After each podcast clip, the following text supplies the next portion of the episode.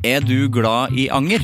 Gjennom Acast sitt supportersystem kan du vise din støtte til meg. Det er selvfølgelig helt opp til deg hvor mye du ønsker å bidra med. Klikk på lenken i podkastbeskrivelsen for å støtte podkasten.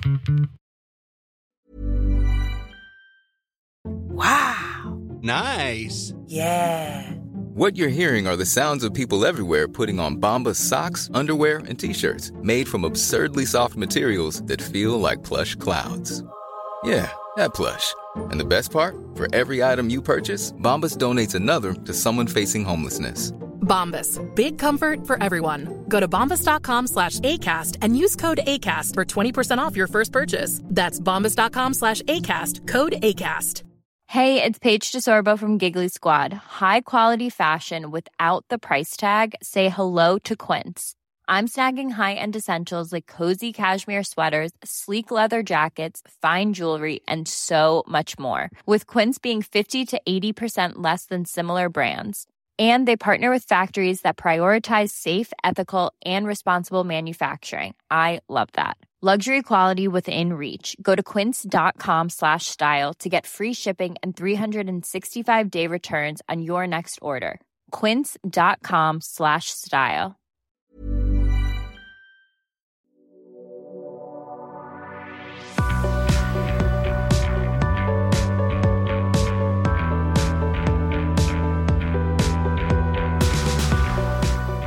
Som du vet, så er jeg jo veldig glad i snacks. Eh, Det er jo ingen nyhet. Jeg er veldig glad i snacks og veldig glad i nyheter. Og Men de nyhetene jeg ikke sjekker ut så ofte, er liksom i nøttegjengen. Nøtte, for det kommer ofte nye nøtter. At det kommer noe, en ny røsta mandel her, og en røsta mandel der for eksempel. Eh, og de sjekker jeg ikke ut så ofte, fordi ja da, nøttesnacks, absolutt. Men for meg er jo snacks eh, absolutt mest lagd av potet eller mais. Eh, Men så prøvde jeg, for ikke så lenge siden, så prøvde jeg Det har kommet noen bønner. Noe, det har kommet noen bønner. Bønner? Det har kommet noen bønner. Bønner? Det har kommet noen bønner. Snacksbønner. Eh, fra Den lille nøttefabrikken. Den lille nøttefabrikken har jeg et kjært forhold til. Farmor og jeg plukka ofte det fra butikken når jeg var liten, for da kunne du ha det i en boks. Det kan du jo fortsatt. Det er sånn løsvekt nøtt. Så det hadde jeg innimellom, og det var absolutt eh, ganske godt. Men um, Nei, snacksbønner. Snacksbønner. Det har, jeg ikke, har jeg ikke prøvd før, og jeg syns ikke det hørtes så tiltalende ut. Men jeg tok en liten pakke.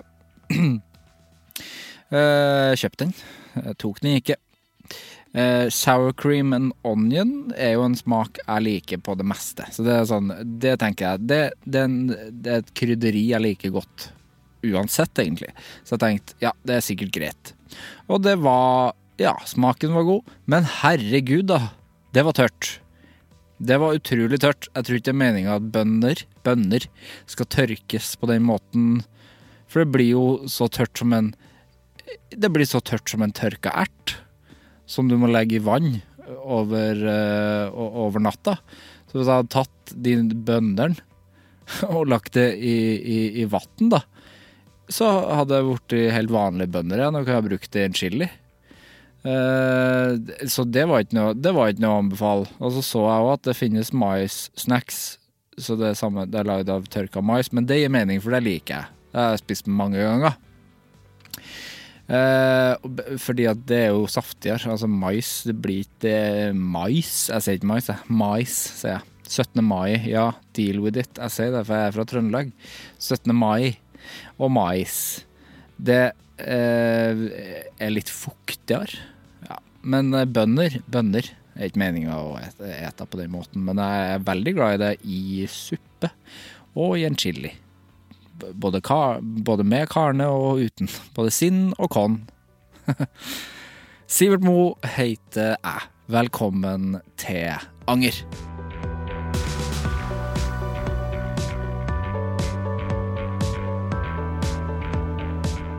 Helle Nordby er gjest i Anger i dag. Helle er programleder og influenser. Hun angrer lite og har lite skam i livet, og har nok av folk rundt seg som angrer for henne. Vi snakker annet om å ha arva snakketøyet fra mora si, og at hun bestemte seg for å tjene penger på det. Interessen av å faktisk bli bedre kjent med kjendiser gjennom podkasten sin. Om at sosiale medier gjør hjernen til grøt, og at det er umulig å bare sette seg ned og se på TV uten å ha minst en annen plattform oppe samtidig. At det er frekt å ha mobilen på matbordet. Og ha jobba så hardt at hun fikk migrene, som hun først trodde var et slag, midt i trafikken.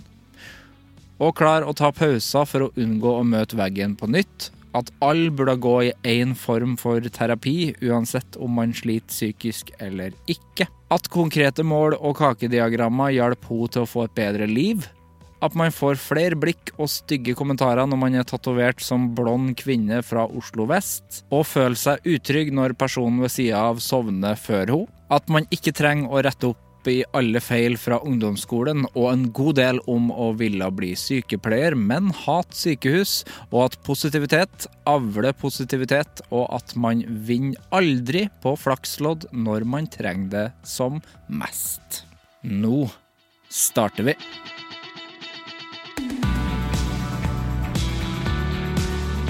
Så hyggelig at du ville komme. Du, jeg eh, har gleda meg. Vi har jo måttet utsette én gang. Ja, bare én. Bare én gang. Bare en. Eh, av sykdom, som jeg skjønner veldig godt, i disse forferdelig kalde tider. Eh, Ja, da var det ikke så kaldt engang. nei. Nei. Men da var det du som var syk. Men det er i hvert fall veldig hyggelig å se deg nå. Være her nå. Det er veldig deilig å gjeste noen andre sin podkast. Ja. For jeg føler at det liksom ja, Som sagt, jeg sa til deg før innspilling at jeg hadde på en måte hørt på podkasten din Mm. og hatt, gjort for, litt forbereder sånn innvendig mentalt, men ikke noe prep. Så jeg tenkte bare wow, det her er jo en lyks. Så fint, da. Jeg liker det sjøl, å være gjest. Eh, fordi det er en litt annen en litt annen greie. Mm. Men, men eh, hvor, hvor lenge har du podda?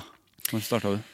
Eh, startet med chit-chat for eh, i typ juni 2021. 2021? Ja. Nei, 2022. Jeg har bare holdt på ett og et halvt år, cirka. ja, ikke sant. Herregud, det går så surr med sånn årstall når man liksom er sånn halvt år, nytt år inni oh. Årstall, da. 2024. Det kommer Ja. jeg jo ikke til å bli vant til å si. Jeg syns det er vanskelig å si også. Nei, det er- 2024. Eh, det er faktisk eh, bare ett og et halvt år. Det er ikke Ja. to og et halvt. Nei. Men jeg elsker på det. Ja. På det livet mitt, føler jeg. Så Ja, du sa jo nettopp at du har fire, det er fire uker. Det er fire episoder i uken fordelt på tre podcaster. Så chit-chat, eh, min egen, min lille baby, den slipper to. Og så slipper jeg en med Alexandra Joner, Ja. som heter Not Your Babe. Og så slipper jeg en med en gjeng som heter Beautybloggerne. Ja, stemmer. Så det er fire episoder i uken, ja. Når, eh, altså, hvor eh, kom eh, den interessen fra? Altså, siden det gikk fra null til fire? Og det er jo ganske mye å slippe fire episoder i uken sånn. Ja, det er det. eh, med jobben bak og sånn også, på en måte. Men eh, det, interessen kom at jeg tenkte sånn eh, Skal jeg være så ærlig? Jeg har fått taleapparatet i gave av min mor, så jeg tenkte sånn, da kan jeg like gjerne eh, jobbe med. Det, det liker jeg kjempegodt. Ja. Ja. Og så er jeg litt sånn Jeg vet ikke, jeg føler eh, Jeg syns mennesker er veldig spennende. Mm. Så jeg startet jo chit-chat opprinnelig fordi at jeg var veldig interessert i historiene bak menneskene vi leser om i media. Ja. Og jeg føler ofte at eh, ja, Nå setter vi kjendiser i bås. Jeg føler ofte kjendiser eller kjente fjes på en måte Man tror man kjenner de så godt, Mm. men så er jeg veldig sånn Egentlig vet vi jo ikke en dritt om de. Nei. Og jeg vil på en måte Altså Interessen av å starte chit-chat kom fra at jeg ville vite mer om oppveksten deres, hvordan de har hatt det, hvordan er dynamikken med foreldrene dine, har du opplevd noe traumatisk, har du, har du hatt en uh, kjempefin oppvekst, som du ikke, hvordan har du blitt formet? Altså litt til å få litt mer det derre uh, perspektivet man har på vennene sine. Ja, ikke sant? Fordi jeg føler ofte at hvis du har en barndomsvenn Barndomsvennen din kan gjøre ganske mye dritt mot deg, og du er litt sånn Ja, men det går bra, for jeg vet at eh, Ole, da, kaller han det. Vet at Ole egentlig er en fet kar. Men eh, hvis det er en person du ikke kjenner, eller en kjendis du ser som driter seg ut, da, så blir man sånn å, fy faen, hvem er hun? Ja, da dømmer man veldig. Og, Ja. ja. Og jeg føler at eh, jeg ville lage et sted hvor folk kunne komme og på en måte eh, si hva de selv vil, uten at media skal plukke ordene deres fra hverandre. Det er fint, da. Eller ja, jeg, jeg, Og jeg syns det er gøy. Jeg Ja. synes det oppriktig er dritgøy. Og så har jeg en favorittpodkast som er amerikansk, som jeg tenkte sånn eh, Hvorfor har vi ikke dette i Norge? Ja. På en måte. En litt sånn ærlig, litt røff, litt veldig direkte, Ja. eh, sassy biografiaktig podkast, ja, ikke sant. Så det er der eh, interessen startet, og så pitchet jeg det for Acast. Og så var eh, Bastian, da, en av folka i Acast, verdens hyggeligste kar, han eh, var liksom bare sånn Ja, det verste som kan skje, er at den blir canna, så da kan vi jo bare prøve. Det er fin, det er fin innstilling. Ja, så da fikk jeg prøve, og det, det gikk som det suste. Så da ble det bare mer og mer og mer. Og så har jeg funnet ut at jeg elsker podcast-mediumet fordi at man ikke er så sensurert. Mm, det er sant. Fordi jeg føler at på TV er du veldig sensurert. Um, jeg føler at man i media generelt er ganske sensurert. Og sosiale medier Nå er TikTok kanskje det eneste som på en måte er litt sånn kan snakke litt rett fra levra. Ja. Men Instagram også føler jeg på en måte er bare et glansbilde av livene til mennesker. da Ja, Instagram de sensurerer jo mye. Veldig. Veldig mye. I hvert fall nå, med krigen og sånn. Det ser man jo tydelig. TikTok også, vel. Sikkert. TikTok også, i hvert fall når det kommer til krig og harde ytringer. Ja, ikke vil jeg si sånn eh, Ekstremisme i begge retninger Ja. tror jeg de på en måte prøver å dempe. Men jeg mener også litt sånn sex og kropp og Mm. seksualitet og eh, Det også sensurerer de, og det mener jeg helt sinnssykt at de gjør. For Ja. det handler jo om kun ett individ som ønsker å dele sin historie. Ja. Og da er jeg litt sånn hva skader det andre, på en måte? Ja, det er jeg enig i. Mm. For det skader jo ikke det. Skader jo ikke det. Nei. Og så tenker jeg liksom Det er helt greit at du ikke mener det samme som meg, eller eh, Eller står for noe, på en måte, men ytringsfriheten er viktig Mm. og riktig at den skal være der ute. Tenker jeg, da. Men altså, ja, fordi pod, man får jo Man får vel si alt man vil, på en måte. Det er vel ikke noe Etter hvert så blir det sikkert strengere. Altså, Etter hvert blir det sikkert strengere, for jeg vil jo tro at det kommer i pod-verdenen. Men jeg føler pod Vær fortsatt varsom-plakaten har på en måte ikke eh, kommet helt inn ennå, føler jeg. Jeg føler faktisk ikke det. Sånn, nå har jo jeg ingen skam, da. Jeg spør jo om alt mellom himmel og jord, på en måte. Men eh, Eller til de personene jeg føler at tåler det, da. Jeg er jo ikke helt sosialt blind. Men eh, jeg føler at man kan stille mye hardere direkte spørsmål der, da. Sånn når det kommer til lønn. eh, og man kan ofte snakke om sex. eh, ja. Alt mulig rart da, som folk ofte kjenner på kanskje er litt tabu. Og så tror jeg folk liker eh, lyd. Altså jeg føler ofte at når du hører på en podcast, så får du uh, en, en dypere oppfatning enn hvis du ser på TikTok, for der er det så ekstremt mye. Du ser på liksom Du slide, slide, slide, slide hele tiden. Og det er sånn, bare i dag satt jeg og så på TikTok mens jeg sminket meg. Ja. Jeg husker ingen av videoene jeg så. Jeg blir gæren av det. Jeg blir gæren av at man, av, at man driver med det. Ja, ja. Jeg også. Jeg har jo Jeg må ha i perioder hvor jeg har fri. For Ja, hvis du ikke så det. blir jeg psykisk uh, syk. Ja, for man altså, det er jo en ekte avhengighet, og bare Så kan du på en måte se deg sjøl utenfra når man holder på med det, og så er det sånn Det er jo ingenting Jeg, jeg gjør jo ingenting godt for huet mitt nå. Veldig sant. Ja. Men eh, jeg tror også ved å jobbe med det, da, Mm. så som både du og jeg jobber med media generelt, så blir jeg veldig Jeg tenker mer over det. Ja. Og denne samtalen har jeg hatt med kjæresten min flere ganger, hvor han kommer hjem fra jobb og sitter og scroller. Så er jeg sånn, hvorfor faen sitter du og scroller, liksom? Kan vi ikke heller snakke sammen? Ja. Nå har jeg lagd middag, legg bort telefonen, tenn litt stearinlys, ha en samtale om noe vi engasjerer oss om, hva skjedde i løpet av dagen din. Da, men han har et poeng også, for han er sånn Men Helle, nå har jeg vært på jobb i åtte timer, jeg har ikke scrolla, jeg. Ikke sant? Jeg har jo bare sittet og snakket med andre mennesker, og han jobber i bilbransjen. Jæskla sosialbransje, ikke sant. Ja. Så øh, snakke, snakke, snakke. Så når han kommer hjem, han bare 'dette er mitt frikvarter', og da er jo jeg sånn Nå har jeg sittet og scrolla, ikke sant. Ja, du er ferdigskrolla, du. Jeg er faen meg ferdigscrolla. Så skal vi pr pr prate litt. Ja, så jeg skjønner jo også at folk bruker det som et tidsfordriv når man vil slappe av, for det er litt sånn hjernedød underholdning. Det er jo det. Litt sånn som TV også er, på en måte. Bare Ja. øh, man får det derre endorfin-rushet på en annen måte, tror jeg. Mm. Gjennom sosiale medier. At du blir liksom tilfredsstilt hele tiden. TV går litt saktere, på en måte. Klarer du å se på TV uten å ha mobilen i hånda? Eh, nei, og jeg har helst også Mac-en ved siden av. Ikke sant? Så jeg er jo psycho. Det er liksom Ja, det er tre skjermer som jeg bare ding, ding, ding, ding. Og så helst også har jeg én AirPod i hvor jeg snakker med venninnen min. Ja. Så det er liksom helt sånn Hubba Lubba-stemning. Ja, Altså. det er egentlig ingen inntrykk som Eller det er alle inntrykk på en gang, men egentlig ingen inntrykk som uh, kommer inn. Helt riktig. Hjernedødt heter det. Hjernedødt. Altså jeg føler bare Hjernen min blir en suppe. Ta Ja. en skje nedi og bare røre rundt i det der, liksom. Som en melon. Å, fy faen, så jævlig. Ja, fordi det å bare se på TV, det, det virker jo veldig rart nå, syns jeg. Bare å sitte, sitte rett opp og ned og se på TV uten å ha noe i, i, fanget. Ja, altså det, Jeg så på hver gang vi møtes nå. For Ja. nå slippes jo alle sangene, og liksom elsker Wow til Ramón og liksom tolkningen der og sånn. Og da var det sånn jeg satt og så på hver gang vi møtes, og det var som om hjernen min ikke ble tilfredsstilt nok. Nei. Så jeg var sånn eh, dette er krise. Jeg trenger en mobil. Jeg trenger, fordi det liksom Matom har begynt å grine, det har vi sett mange ganger. Og Det har vi sett det liksom, det har vi sett før, ja. eh, og han er jo en nydelig mann. Men det er sånn at når frekvensen sitter og, og, og bare ser på han gråte i sånn 15 sekunder en gang, så blir jeg sånn Hjernen min er så vant til så mye inntrykk at jeg blir sånn Nå gikk det treigt, ja. Ja. På en måte. Og det er jo en veldig uting som jeg må jobbe med. Jeg skjønner jo det. Mer enn at eh, det, det er noe feil egentlig med TV. For det er jo fantastisk klippet, og produksjonen til hver gang vi møtes er helt fantastisk. Men uh, ja. ja, så skal det vel kanskje gå litt sakte. Det er vel Det er vel hele poenget, sikkert. det, er vel det. Ja. Og så er vel Ja, man er vel ikke vant til at ting går sakte lenger. Nei. Men det, film, da? Klarer du å se film? Jeg er jo veldig glad i film. Da klarer jeg å legge vekk liksom alt. Ja og nei. Ja, nei. Det skal være en jævlig bra film, ass. Ja. Men jeg er sånn øh, Kjæresten min er mye bedre på det. Mm. Så det, jeg, vil- jeg adapter fort til de jeg henger med. Ja. Så når han ikke er på mobilen, så henger heller ikke jeg på mobilen, for da føler jeg det er litt frekt. Ja. Eh, for jeg, jeg kunne aldri vært en person i en samtale som sitter og ser Snapchat popper opp. eh, Nei, mens man sitter og snakker sammen. Nei, Eller hvis man sitter og ser på en film sammen. Da hadde ikke jeg ligget på TikTok ved siden av hvis han ser på filmen. Nei. Det syns jeg er så frekt. ja, det er ganske frekt. Og jeg er jo også en en av de menneskene som mener at eh, hvis du er ute og spiser eller spiser en middag, og du har mobilen din på spisebordet, Mm. det syns jeg er frekt. Ja, det er jo det. Mm. Men så er det litt eh, ja, Det ser ikke noe fint ut heller, å ha mobilen på bordet.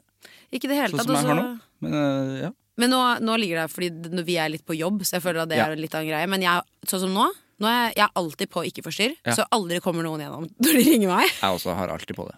Altså, Du må ringe to ganger for å komme gjennom. Jeg så at du hadde ringt meg to ganger. Ja. Jeg tok jo ikke den da heller, for at det, kom ikke opp før jeg var på vei ned. Fordi jeg skjønte at du hadde gått i feil Men da hadde jeg sendt deg melding, og det er poenget mitt. melding, det er bra. Det er akkurat det, for jeg føler at det, hvis det er noe viktig, sånn som jeg sto nede og ventet i lobbyen på deg, da, og jeg prøvde å ringe deg, gikk ikke gjennom, send deg bare melding 'hallo, jeg er her'. Ja. Det er liksom If it's urgent, send a fucking message. Hvor vanskelig er det, liksom? Men jeg tror det jeg syns er frekt ved å ha den ved middagsbordet, som alle venninnene mine gjør, som jeg forteller det jeg syns er frekt hele tiden Jeg setter alle jeg elsker på plass hele tiden. Det fint. Eh, og de meg tilbake også. sies.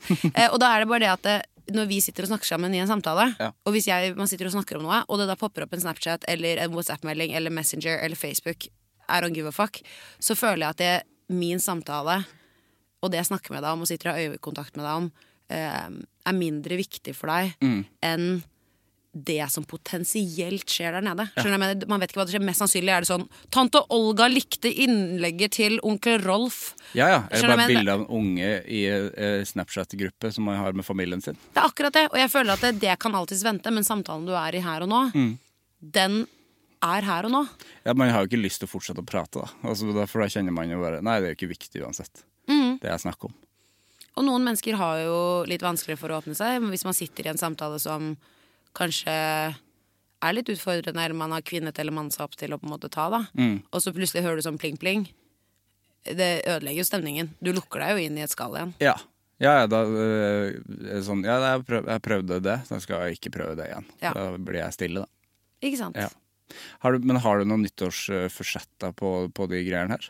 Eh, ja og nei. Ja og og det er eh, en ting jeg har lovet meg selv, for jeg har en greie med at jeg jobber hele tiden. Fordi Mm. jeg elsker jobben min. Så jeg sitter liksom og skriver manus eller booker gjester eller liksom klipper podkast eller liksom eh, gjør noe hele tiden. Mm. Og, og det er greit i perioder, men da må jeg også ha friminutt. Så sånn som for eksempel i eh, februar eh, så skal jeg ta meg nesten to uker skal jeg reise bort. Ja. Og da, jeg, jeg skal jo ha med podkastutstyr, så jeg vet at jeg skal jobbe et par av dagene. Men de dagene hvor jeg ikke skal jobbe, Mm. så skal jeg ikke jobbe. Sånn, hvis, ikke, hvis det er sånn at chit-chat en uke kun slipper én episode, og jeg ikke får lagd en til, så er det helt greit. Ja.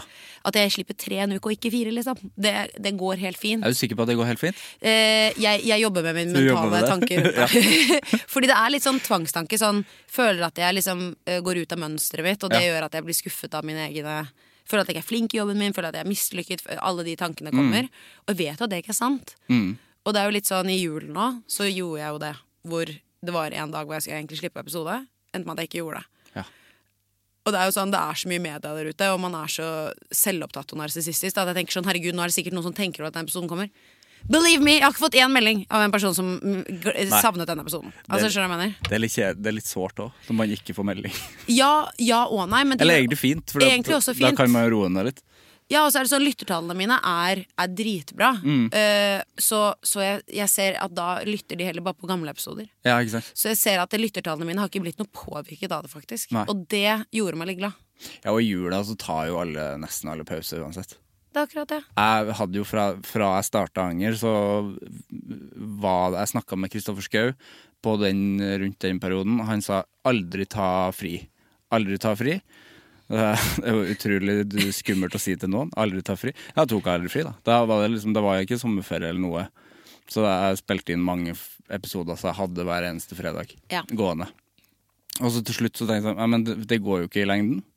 Eh, og da snakka jeg med han på nytt, og så sa han ja, men jeg mente jo ikke bokstavelig talt Selvfølgelig skal du ta ferie. Å nei! jeg bare ta aldri fri. Ok, jeg tar aldri fri, da. Ja. Oh, Jeg mente man- jeg fikk lov å ha ferie, ja. Ja. Ok. ja. Det er så deilig å høre det av folk man tenker sånn Du er fet, du har fått til masse kult. Og liksom Ja. se litt opp til en person. Når en person sier det, så blir det sånn ja ja. Ja, ja, Ja, ja. da hører jeg jo etter det. Har jeg kunnet sagt hva som helst, så hadde jeg jo gjort det. på den tida. Men uh, jeg misforsto. Fikk lov å ta ferie. Så jeg, jeg, tror det er viktig. Jeg tror det er helt essential for eh, kreativitet, for uh, selvfølelse, Mm. for tanke bare det at du får roet ned. Da. For jeg um, hadde en hendelse som skjedde i for halvannet år siden. Ja. Hvor jeg jobbet meg så hardt i hjel at jeg utviklet migrene. Ja. Ja, og jeg hørte jo faktisk en episode av deg i sted hvor du fortalte at du også fikk migrene Yep. for eh, et par år siden. Ja, et, ja to. Et, ja, to år siden. Men det lurer jeg på litt sånn Fra en migrene-lady til en migrenemann. Mm. Eh, jeg visste ikke at dette var noe som kunne At du kunne påføre deg selv migrene, liksom. Ik ikke heller. Altså, det var helt sjukt. Jeg, jeg, jeg, jeg, var så utbrent at jeg fikk migrene. Ja.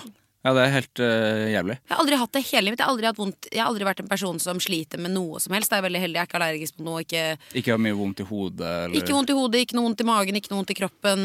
Aldri egentlig hatt noe problem med noe. Nei. Så, så det, og når det først skjedde, så ble jeg lagt inn på slagavdelingen på Ullevål. Ja, ikke sant? Uh, Så det var jo liksom Ja, for det er helt eh, jævlig. Altså Det var helt sinnssykt. Mm. Jeg mistet taleevnen, mistet synet mitt, mistet følelsen i venstrearmen. Eh, Og dette skjedde mens jeg kjørte bil, Å, så det var jo helt fantastisk. Mistet følelsen i venstrearmen, ja, da vet man jo. Da er det jo Trodde jeg skulle daue. Ja, ja, da Ja, det er jo ikke langt igjen, da.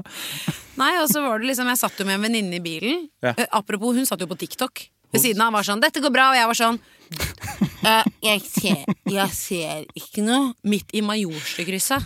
Det var digg. Grusom kryss også. Ja, halv fire på en fredag. Fy faen, så jævlig, liksom. Um, endte med at vi satte oss ned, og så gikk vi bare og spiste, for hun var litt sånn, du trenger liksom bare litt vann, du blir svimmel. Og da husker jeg at jeg kjente det fordi jeg holdt i en kopp kaffe. Og så begynte jeg å snøvle. Sånn ordentlig snøvle. Ja. Uh, og så holdt jeg i den med venstre hånden min, eller den sto på bordet, så jeg løftet den ikke. Så husker jeg tenkte sånn Oi, det var en kald kaffe. Ja. Og så tok jeg holdt i den med den andre, og så klarte jeg ikke å holde i den, for den var så varm. Shit. Så det var sånn, jeg hadde ikke noen følelser i armen. Hadde ikke noe sidesyn. Jeg hadde liksom kun sånn mikrosyn rett frem, på en måte. Eh, og eh, så dum som jeg er, eh, tenkte jeg sånn Ja, men da kjører jeg hjem. Ja, ja, klart det. Idiot! Det kunne, vet du hva, det var faktisk ikke greit. Eller. Heldigvis bodde jeg bare rett nede på Bislett, men det å kjøre fra Mosjøen til Bislett det var fortsatt Ja, det er et stykke, da. Det er et stykke hvis man hadde hatt slag. Om det er, da. Ja. Så det endte med at jeg ringte bestevennen min, og det klikka for henne. For hun er, er, har veldig mye sykdommer som hun dealer med på diabetes type 1. Og liksom Ja, sånne syke, sykdommer så hun liksom kjenner godt til helsevesenet. Og liksom, hun var bare sånn Hva faen er det du tror du driver med? Ring en jævla ambulanse! For hun var sånn Hvis du har fått fordi jeg klarte jo ikke å snakke, hun måtte jo snakke med venninnen min. Og hun rakna jo helt på hun andre venninnen min. Som var sånn, hva faen? Hun bare 'Jeg trodde ikke det var så viktig'. Hun var bare sånn 'Ja, men det vet ikke du'. Nei. Du er ikke nevrolog. Så er han give a fuck av hva du tenker. Ring en ambulanse. Og de var sånn rett til Ullevål. Ja. Eh, og masse tester i flere måneder fremover og alt sånn. Eh, men de sa eh, Nå vet ikke jeg med deg, da, så jeg vet ikke hva din lege har sagt, for det lurer jeg egentlig noe jeg skal på. Fordi han overlegen, nevrologen som jeg snakket med når jeg måtte bo der, holdt jeg på å si, han sa enten eh, så er det et bitte liten blodpropp Ja. i hjernen som på en måte har klogget seg, og så har på en måte eh, blodet presset igjennom, sånn at det på en måte tettet systemet ditt i hjernen, Mm. sånn at du begynte å miste funksjon, men at kroppen klarte å på en måte eh, fikse det opp selv. da. Ja. Eh, han sa men det klarer vi ikke å finne ut, fordi det, det har vi ikke liksom muligheten til. Eh, han sa ellers er det migrene. Og så sa han men det vi kaller migrene, eh, er bare liksom en definisjon på ting vi egentlig ikke vet hva er. Mm. Så han sa det heller vet vi ikke hva er, så vi vet ikke om det er en blodpropp, og vi vet egentlig ikke hva det er. Så han sa jeg beklager å si dette til deg, men teknologien har ikke kommet langt nok til at vi kan skanne hjernen din og forstå alt som skjer. Nei. Og da var jeg sånn, nei men så fantastisk, da. Kjenner meg, kjenner meg igjen. Ja, For er det noe av det samme du har hørt? Ja, jeg ble først lagt inn med ekstrem høy feber. Jeg hadde eh, på det høyeste 42,5 i feber. Å, fy faen! Det, det er for mye feber. Fordi eh, Det visste jeg ikke heller. Har man 43, da er man død. Så det var ikke så veldig langt unna, da. Eh, og da trodde de at det var hjernehinnebetennelse, så jeg ble lagt inn for det. Eh, lå der i ukes tid. De fant ut nei, det er ikke hjernehinnebetennelse, men feberen sank liksom aldri. Så jeg ble lagt i isbad og sånne ting. Som man egentlig bare ser på House. At man blir lagt i sånn På sykehuset, svært liksom? badekar ja, med isbiter og sånn Sjukt. for å faktisk kjøle ned kroppen. Og til slutt så gikk det jo over, og da det jeg fikk vite, var sånn Nei, du har nok Du har i hvert fall migrene. For jeg hadde ekstremt vondt i hodet. Aldri hatt uh, migrene før, jeg heller. Uh, og så tro, og men det er noe virus i kroppen din. Men vi vet ikke helt hva det er. Det er en kraftig virusinfeksjon, det merker vi jo. Så jeg, det merker jeg òg. At det, det er en kraftig virus. Takk, takk for info. Tusen hjertelig takk. Ja. Men vi, vet ikke, vi kan ikke si noe mer enn det. Så, og det har jo skjedd flere ganger. Blitt lagt inn med veldig høy feber. Det er det samme hver gang, da. De vet ikke hva det er. Uh, det er veldig, det er veldig kjedelig å ikke, få- ikke få noe svar. Er det derfor de kaller det migrene? For de faktisk ikke finner ut av hva infeksjonen i kroppen er? Ja, jeg tror det. Er fordi- ikke det sjukt? Ja, det er det. Man føler jo liksom eh, Ja, eh, jeg, jeg syns medisin er veldig interessant, og at man har kommet langt og sånn. Og det har man jo. Man har kommet langt. Men noen ting er det jo Man vet jo ikke. Så det føles jo så mye som er gjetting. eh, Det er det vel i alle bransjer. da. Det er sånn Ja, vi tror det er migrene. Men vi vet ikke helt. Hva. Jeg bare kjenner frustrasjonen boble nesten inni meg når du sier det. For jeg bare er sånn, Du har vært innlagt i en uke, kommer ut, blir dyppa i litt is, og så er du sånn Jeg vet da faen, jeg. Nei, dra Vet da faen. Mm. Shit, ass, herregud. Men eh, er du sånn at du går rundt og er redd for å få nye anfall? Eller er det sånn at du ikke tenker over det? Nei, nå gjør jeg ikke det, for nå er det vel en to år sia. Men det året etterpå, så da var jeg bare ganske mye hjemme. Sånn Ja. I nærheten av hjemmet, liksom. For at uh, jeg følte at det kunne skje når som helst. Uh, men sånn kan man jo ikke leve etter hvert. Man må jo, må jo ut. Men hvordan gikk det med, med deg, da? Når, når det første, når du ble lagt inn eh, Når ga det seg med lammelse i ansiktet og sånn? Nei, altså Funksjonene kom ganske fort tilbake ja, igjen, bare etter en times tid. Ja. Men jeg merket at jeg var, altså jeg var så sliten. Det føltes ut som jeg hadde løpt liksom tre mil. Ja. Gått på topptur randonee i faen meg tre døgn. Liksom. Jeg bare lå der og var helt sånn utslitt. Uh, men jeg er jo en person som hater sykehus.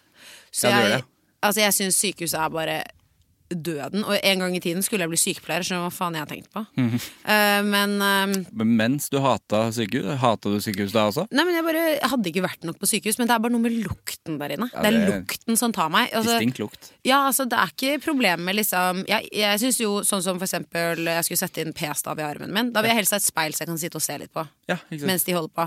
Uh, jeg syns det er kjempegøy hvis venninnene mine har fått seg et sår eller noe. Syns det er gøy å liksom Ta på det. ta på det, ta litt Pyresept, eh, leke litt lege. Jeg syns det er dritgøy, da. Ja. Og sprøyter og liksom alt mulig sånn syns jeg er gøy. Ja, Så men jeg Det høres jo sånn- ut som en bra ting for å være sykepleier. Da. Det er akkurat det, men- de tingene er gøy. det er den der lukten og det der at alt skal være sterilt. Og jeg er jo litt overfladisk, så det at man ikke kan ha sminke og Ja, kan ikke gjør- ha parfyme eller ut. Nei, man kan ikke ha noen ting. Så tenkte jeg bare sånn Personligheten min trengs å kommes ut. Det er helt jævlig. Men jeg bare var sånn, jeg kan jo ikke være meg selv. Jeg og så har jeg jobbet tidligere i et yrke Eller jeg var vekter i flere år. Var du vekter i flere? Ja, Så jeg gikk veldig mye i uniform. Jeg fant at når du går i uniform un, altså, eh, Det man ikke tenker så mye over, er at uniformen skal ta vekk personligheten din.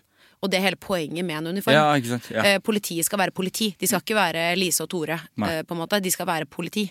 Eh, og ikke det å sammenligne vekter og politi, men bare folk i uniform. Da. En sykepleier er en sykepleier Mm. fordi hun har på seg en, en drakt. En lege har en legefrakk, for det er en lege. Ja. Så du på en måte mister eh, Eller jeg følte jeg mistet mye av identiteten min. Ja, for man skal være en funksjon og ikke en personlighet. På Ja. en måte. Mm. Og du jobber, det er et serviceyrke, så Ja. du skal ha en funksjon med å please andre og miste din egen personlighet. Og det eh, syns jeg var mer utfordrende enn jeg trodde jeg skulle Ja, jeg, det var mer utfordrende enn jeg hadde sett for meg, da. Ja, det skjønner jeg.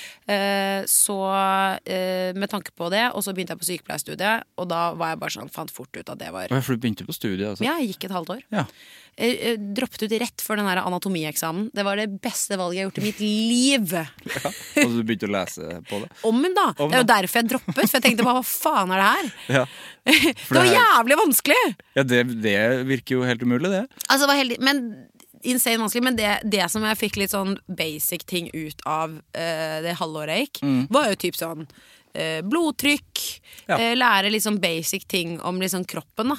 Og det var egentlig litt nice sånn til senere i livet. Sånn én pluss én er to. Sånne ting som jeg kanskje ikke hadde tenkt over før. Hvor, hvordan ting fungerer sammen, bare. Sånn Ja, det trenger man jo. ja, funksjonen til leveren, liksom. Hvis du, hvis du skjønner, men sånn, jeg, jeg var en person som ikke visste så mye om liksom. Hvorfor man har en lang tarm. Hvis Ja, du skjønner hva jeg mener. Ja, for den er lang. Den er jævlig lang! Er Jævlig mye lenger enn det man tror. Ja, det er.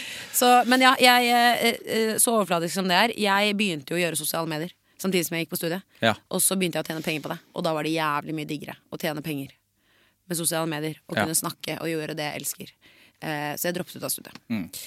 Så ja. Jeg vet ikke helt hvor denne historien startet, Ikke men eh, heller, nå, tror- nå bare svinner den av gårde, Ja, men det liker jeg. Jeg tror funksjon, jeg tror jeg spurte Jo, funksjonene kom raskt tilbake etter, Ja. etter den bilturen på- i Majorstukrysset. Det gjorde den. Ja. Uh, og jeg har heller ikke hatt noen alvorlige tilbakefall, Nei. men jeg har kjent på det. Men da det, dette så um, Jeg er blitt litt sånn meditasjonsperson, og det hjelper veldig. Det gjør det, ja. mediterer seg gjennom det. Jeg har hørt det, òg, at Mm. man bør gjøre det. Eh, og for meg så handler det ekstremt mye om pust. Mm. Eh, eh, og visualisere pusten sin. Og det høres kanskje spesielt ut, men det har hjulpet meg helt ekstremt mye med søvn også. Ja. Fordi jeg kan ha en, jeg er en periode hvor Nei, jeg har eh, en greie hvor jeg tenker mye når jeg skal legge meg. Ja. Som de sikkert de aller fleste gjør. Kjenner meg igjen. Og Nei, Jeg har møtt folk som ikke gjør det i det hele tatt, og det, de vil jeg være. Kjæresten min gjør ikke det! Jeg- Han ikke ser ser en pute og sovner. Og sovner. Og jeg blir Jeg, sinna. jeg er så misunnelig på de menneskene der. Vet du hva jeg har funnet ut er eh, oppskriften min? Mm. Så jeg gir han Han elsker padel. Det er en ting å være obsess med også. Paddle, ja. Ja. ja. Det er veldig gøy, men jeg, han elsker å se padel hver kveld. Så jeg, jeg gir han lille mobilen, putter på padel, eller han putter på selv, og da kan jeg legge meg. For jeg liker å sovne først. Å, ja. Jeg vet ikke hvorfor. Jeg føler meg trygg. Eh, Så da kan han se på padder. ja, for du liker ikke å ligge våken han, når han har sovna? Nei, det er en ubehagelig følelse. Eller jeg føler meg litt sånn utrygg. Og det Ja, jeg jeg ser den. Ja. Sikkert noe jeg burde jobbe med det òg. Men, eh, men ja, så da For han er sånn sekund han legger vekk mobilen. Ja. Hvis han tror jeg har sovnet, så legger han vekk, og så, og så hører jeg sånn Ja. Da han sovnet allerede. Jesus fucking Christ! Ligger jeg der med tre melatoninpiller og Melatonin er bare tull, eller? Er Jeg vet det. det. Men jeg eh, elsker noe som heter placebo. Ja. Det er min beste Ja, venn. det, det er fint, det. Så, for jeg også vet at tydeligvis så kan ikke du increase melatoninnivået i kroppen din, Nei. eller hva det er for noe. Så du har på en måte den melatoninen, du kan ikke påvirkes av Ja, piller. vitaminbjørn er også tull. er det det? Ja. Du Trenger ikke de vitaminene.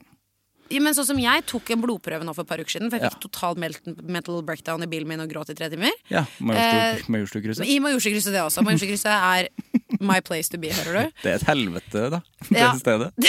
Faktisk. Jeg måtte parkere Jakob Holts gate. Sånn gate rett, og sto jeg og gråt, satt jeg og gråt i bilen i tre timer.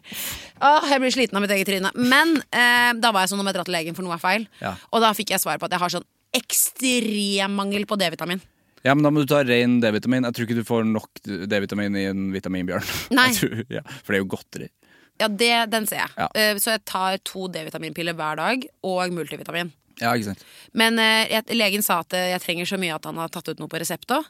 Ja. Har jeg vært og hentet det? Nei. Absolutt ikke. Det er utrolig, men det er mye jobb, syns jeg, å hente ut resept. Jeg vil bare få det. Hvorfor har de det ikke bare på sykehuset?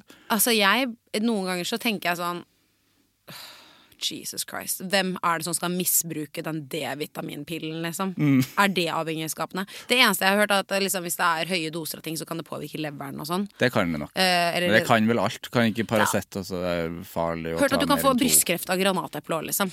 Brystkreft av granateple. Fy faen, altså. Men jeg bare, nå skal ikke jeg liksom sitte her og si at ting som er på resept, ikke skal bli på resept, men jeg bare Nei. sier sånn eh, Hvis du på en måte er det mennesket som misbruker D-vitaminpiller, Mm. Finn deg noe annet. får jeg en coach. ja, få deg en coach. Ja. ja, det er jeg enig i. Nå er jeg hard. Men uh, ja, nei, jeg bare Burde sikkert uh, drasse stumpen min til et apotek etterpå. Men det er kjedelig Ja. å dra på apotek, syns jeg. Ja, det er det. Å hente ut resepter. Eller i hvert fall enda verre, fornye resepter. Ja. Jeg bytter leger hele tiden, for jeg har veldig sånn greie med at jeg drar aldri til legen. Så jeg, hvis jeg først skal dra til legen, så liker jeg at legen min er i en område hvor jeg bor. Og jeg har en tendens til å liksom flytte litt uh, en gang annethvert år eller noe. Ja. Så jeg bytter leger annethvert år. Så de siste tre legene mine har jeg aldri sett engang. Nei, ikke sant? Så um, derfor så syns jeg også det er mas å da få nye resepter, Fordi da må jeg kontakte et nytt legekontor. Og de tar jo aldri telefonen. De Nei, svarer jo aldri på mail. Nei, nei. Nei, nei. Mail. Har de mail? Det er akkurat det. De har ikke mail. Nei. Tydeligvis ikke det er en tullemail. Jeg har sendt mail til, hvert fall. For det er ikke noe som skjer der inne. Ikke pasientsky heller. Det er så gøy, for de sitter ofte på De sitter jo Når man først drar til fastlegen, jeg gjør jo ikke det så ofte sjøl heller, da sitter jo De sitter jo på dataen. De sitter jo på dataen. Den stasjonære dataen sin. Ja. Men de sjekker ikke mail ellers. Eh, Men hvordan, hvordan eh, Altså, den migrenen, det høres jo ut som et resultat av at du var veldig sliten. At det var mye jobbing. Ja, det var jo For det kan jo skje. Ja. Eh, og så hadde jeg akkurat hatt en kunstutstilling, så jeg hadde liksom prøvd å gjort noe helt annet. Men det var dritgøy. Ja. Veldig lyst til å gjøre det igjen, men det var så jævlig mye mer jobb. Ja. I tillegg til alt annet jeg hadde av jobb. Hadde jo chit-chat ved siden av, liksom hadde jo hadde jo andre ting også, eh, og det bare var for mye. Jeg trodde jeg skulle få det til selv. Eh, og det er litt sånn typisk kanskje når man jobber for seg selv, at man er sånn «Nei, Jeg sparer litt penger, jeg gir ikke ansette noen, eller Nei, nei. eh, Jeg tar det sjøl. tar det selv, og det var veldig dumt. Ja. Og det lærte jeg kjempemye av også. Eh, Det å, å ikke være redd for å spørre om hjelp Mm. også, på en måte. For jeg føler jeg har hatt en sånn greie hvor jeg driver og plager alle jeg er glad i, hvis jeg spør om hjelp. Ja, ikke sant. Uh, og det er jo litt sånn unødvendig sånn Det er mye bedre å spørre, og så kan jo de bare si du, det har jeg ikke tid til. Ok. Ja. Skjønner du hva jeg mener? Altså, det, er jo ikke noe, det er jo ikke egentlig noe kjipt å spørre. Og hvis en venninne spør meg om noe, så syns jeg det egentlig bare er hyggelig. At jeg Ja, føler er at hun. At hun føler at hun kan spørre meg om hjelp med noe, syns jeg nesten er koselig. Ja. Sånn oi, shit, du kom til meg og spurte om det. Mm. Så jeg bare har, har måttet liksom omsette hjernen min litt på at man kan spørre, og så er det også helt greit å få et nei. Ja. Eh, Men at man kan spørre om hjelp, og det ikke er skummelt, da. At det verste du får, er et nei. Det er akkurat det. Ja. Og jeg er ikke noe som syns at det er kjipt i det hele tatt. Nei. Men uh, jeg måtte jo ta og chille litt etter det, da. Og så var det masse andre personlige faktorer i livet på den tiden som bare gjorde at ting var litt tråkigt. Mm. Eh, og det er sånn man kanskje ser halvannet år etterpå, da. Ja, for det ser man ikke når man står midt i det. Nei, Nei. ikke det hele tatt. Er ikke det rart? Det er kjemperart. For man lærer ikke heller. Altså bare Apropos anger, som jeg har drevet med i snart Ja. seks år. Lærer ikke sånn Nå må jeg prøve å ta det litt med ro, for at det, det small noe skikkelig sist. Sånn kan jeg tenke. Lærer ikke. Nei. Nei. Men det er jo derfor, tilbake til det vi snakket om i starten av podden, sånn når jeg skal reise bort i de to ukene, skal jeg i hvert fall ha eh, ni eller ti dager fri, da. Ja. Hvor skal du? Thailand. Thailand. Ligge på beach og chille opp. Det høres kjempedigg ut. Ja, og plaske litt og finne noe skjell og sånn. Ja. Det er det jeg skal. Så det er egentlig det er lenge siden jeg har vært på sånn type ferie. Ja. Så det blir veldig, veldig veldig deilig. Ja. Og det er derfor jeg liksom bare tenker at jeg må klare å sone ut, fordi det gjør at man også blir motivert når man kommer hjem. ja, ikke sant. For da savner man faktisk jobben sin og det man har hjemme. Hvis jeg sitter der nede og jobber og jobber, så blir jeg ikke sånn For det første så nyter jeg jo ikke tiden min der, og jeg kommer ikke til å savne hjemme. Nei, ikke sant. Så nei. Jeg må bare spo liksom klare å ta pauser, da. Ja. Men føler du at du liksom eh, At det var jobb da som trigget dine migreneanfall også? Ja, det tror jeg. Og bare, ja, apropos tråkig, tråkig, tråkig periode, det var det da også. Da også, høres ut som mye av det. Det er jo mye av det. Har jo gått på antidepressiva eh, i eh, halvannet år på Går grunn på av depresjon. Nå trapper jeg litt ned, Ja. fordi det går bra nå. Og det er fint, det kjennes bra ut. Men det hjalp, da. Altså, apropos medisiner som funka. Mhm. Det funka på meg. Hvordan føler du at det påvirket hverdagen din? Uh, jeg ble mindre Jeg ble rett og slett litt mindre trist. Det var liksom følelsen av det. Men mindre trist. For du hadde liksom en sånn underliggende sånn tungsinn, eller? Ja.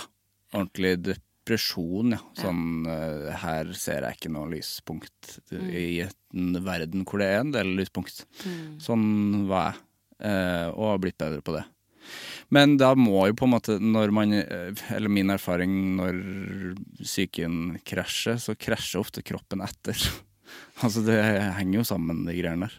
Veldig sant. Mm. Ja. Og så det, føler jeg også litt i perioder hvor man har tungsinn at man glemmer liksom å bevege seg og spise Ja, ja. sunt, og alt sånn på en måte faller vekk. Mm. Alt som du vet at du må, på en måte. Ja, typ også hygiene, i hvert fall for min del. Liksom Ja. Alt liksom, bytte sengetøy, bare alt virker som Herregud, bytte sengetøy er en jobb da. Ja, ja. Altså jobb. virkelig, liksom. Sånn, hvis man ikke har opplevd ordentlig tungsinn, så skjønner man kanskje ikke det. Men, men bare det å lukke opp øynene kan Mm. føles ut som de er eh, boltet igjen. Mm. Liksom. Ja. Mm. Men eh, hyggelig å høre at du hadde på en måte en positiv opplevelse med antidepressiva. At du føler at det i hvert fall har hjulpet deg litt over kneika. da Ja, ja det gjorde det, altså. Mm. Har du noen erfaring med det? Aldri. Eh, og det er også bare fordi jeg er litt redd for det. Ja, jeg tror var kjemperedd. Jeg Mm. burde ha sikkert hatt det da jeg var 18, liksom. Men eh, det kan man jo tenke på i etterpåklokskapens Mm. navn. Og det er ikke sikkert det hadde funka da. Kanskje det måtte til at jeg var skeptisk. Jeg sa, har bare sagt nei i alle år. Men til slutt så var det sånn Hva skader det vel? Enten så funker det, eller så funker det ikke. Ja. Men føler du at det er vanskelig å trappe ned på det? Nei, nei. For det er jo det Eh, man er redd for. Avhengigheten av det. Ja, men Ofte. nei, fordi at det, det føles ut som noe Det som er viktig, å tenke at det er jo ikke bare pillene Det er ikke bare pillene. Det er ikke sånn det funker. Jeg har jo gått mye i terapi, og det har blitt bedre de siste årene. Altså hodet mitt og livet mitt og alt har bedra seg. Eh, så det er den kombinasjonen. Og da tenker jeg Nei, kanskje jeg ikke trenger så mye av den medisinen hver dag. Men det er fint da, hvis du klarer å kombinere det med terapi. Og liksom, Ja. Hvis du føler at det går bedre. Det føler jeg må jo være key to success. Fordi eh, det å kombinere det med ja, terapi eller coach eller bare noen som Mm. hjelper en litt i gang. Jeg mener jo at alle burde gå i terapi. Uansett om du har det vondt eller bra eller er hva som helst. Personlig utvikling, bare. Ja. Lære mer om seg selv. Altså, jeg har jo gått i, til både psykolog og gestaltterapeut og coach. Ja. Og sexolog, for så vidt òg. Mm. Eh, og det er, det er jævlig kult altså, å bli kjent med seg selv Det det. på den måten. Fordi man tror man kjenner seg selv så godt.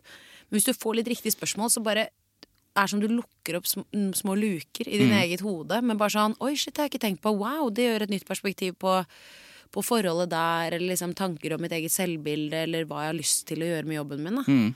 Ja, for man klarer ikke å finne ut av alle de tingene der på egen hånd, nødvendigvis. Noen gjør kanskje det. Jeg gjør ikke det. Jeg trenger Ikke hjelp til å liksom finne ut hvem, hvem er det her, Mm. egentlig. Jeg mener jo, jeg er helt enig i at fastlege har man, men man burde ha hatt fast terapeut, altså. Altså fast psykolog. Helt enig. Mm. Altså, jeg syns det er sykt at det, eh, hvordan systemet er lagt opp for uh, altså psykisk helse, da, i forhold til liksom fysisk helse. Mm. Uh, det å gå til fastlegen er så vanlig, men liksom fortsatt, selv om det å gå til psykolog er mye mer vanlig og mye mer snakket om nå enn det var for sikkert 15 år siden, Ja. men syns fortsatt at det er sinnssykt at det er så lange ventetider og alt. Jeg Ja, det er helt jo umulig for folk som aldri har vært hos psykolog, å få psykolog, liksom. Nei, altså, jeg går privat. Ja, man Ja. må jo det. Og det koster penger. Fy faen, det koster penger. Men det er litt sånn Jeg var jo veldig sånn Å, det gidder jeg ikke, og fy faen. Og så går jeg heller på Sara og kjøper meg en jakke til 499. Ja. Det er liksom Jeg måtte se meg selv i speilet. Ja. Eh, og det endte med at jeg måtte legge opp et budsjett rundt at jeg skulle betale for det. Mm. For det endte med at jeg kunne dra ut litt mindre og spise, jeg kunne gjøre litt mindre ting. Fordi at jeg hadde lyst til å ha tre terapeutsessions i måneden. Mm. Eh, I hvert fall i starten, for det var på et tidspunkt der det var Det trengses Ja, ordentlig, liksom. Og da var jeg sånn, ok, da må det være litt intensivt. Eh, og da fant jeg også ut at eh, gestaltterapeut over Zoom er litt billigere. Ja. Eh, så det hjalp meg også helt sinnssykt, Fordi da følte jeg ikke at jeg måtte dra et sted. For det var veldig ork. Jeg var veldig sånn, Tanken på å skulle gå et sted var veldig sånn mentalt eh, stressende. Mm. Det viser jo også hvilket state of mind jeg var i. Eh, men det å da kunne bare ha henne som satt et eller annet sted i landet, jeg følte ikke at hun dømte meg rett overfor meg. Jeg kan føle at det er litt sånn hardt å ha en menneske som Ja. sitter rett overfor deg også. Ja, for Var det fint at det var litt avstand? Jeg syns det var litt- veldig ja. deilig, og hun var helt fantastisk. Sånn. Ehm, og så var jeg liker mye bedre den tilnærmingen til en coach enn en psykolog. Mm. Ehm, eller en psykiater, da. Eh, fordi jeg føler at det blir veldig sånn Hva føler du nå? Ja. Stemningen. Og det er ikke det jeg fikk av henne. Nei, Jeg hvordan er coach? Jeg har aldri gått hos coach. Ja, nei, Det kommer helt an på coachen. Noen er jo liksom på kropp og ernæring, og noen er på trening, noen er på mental helse. Og eh, hun jeg gikk til, var veldig sånn, hadde spesialisert seg innenfor angst, depresjon eh, og typ liksom parforhold eh, og seksualitet. var liksom hennes greie. Så det er jo absolutt nisjer, men det jeg likte med henne, var at jeg klarte ikke å liksom sette en pinpoint på hva det var i livet mitt som gjorde at jeg var så lei meg. Nei. Og det var det hun klarte. Hun var sånn, hun satte opp en, et, For jeg er sånn, jeg trenger det et konkret ting. Jeg kan ikke være sånn flyvende Jeg, jeg vil ha sånn Én ting den skal jeg jobbe med, Ja. på en måte. Og da husker jeg hun satte opp eh, en Hun hadde en liten sånn sirkel. Som, med sånne kaker. Som du vet sånne Diagram. diagramkaker fra typ ungdomsskolen eller barneskolen. Ja. Og så i, hvert, i hver luke så sto det sånn eh, penger. Og så sto det parforhold. Og så sto det sex. Og så sto det eh, mamma og pappa. Så sto det søsken. Eh, så sto det fritid. Venner. Og det var liksom hver bås hadde liksom sin Og det var ganske mange kaker, så det var ikke liksom bare sånn familie kommer i én med liksom alt det tilhørende. Det var ganske mange av de. Og så skulle, vi, skulle jeg rate fra én til ti hvor fornøyd jeg var med situasjonen. Ja. Så jeg skulle uh, for eksempel si penger, da. Økonomi. Det er jo en kjempepåvirkning for vår psykiske helse. Oh, ja, ja. Uh, og er man redd for det eller ikke. Og akkurat da var jeg en periode hvor jeg liksom Jeg tjente bedre enn jeg hadde gjort på liksom det å jobbe frilans i fire år før. på en måte Jeg føler nå at jeg har etablert en, en god økonomi. Eh, så, og der, så der scoret jeg liksom uh, at jeg var fornøyd. Jeg tjener ikke noe eh, ekstremt, men sånn for meg, så, så lenge jeg har råd til det jeg bor, uh, litt ekstra kos og en ferie eller to i året, så er jeg mer enn nok fornøyd. Så da satte jeg den til nier. Fordi jeg var sånn Jeg føler ikke at jeg trenger noe mer. Eh, og eh, for familie også åtte. Selvfølgelig man krangler litt med foreldrene sine mellom, det tror jeg alle gjør.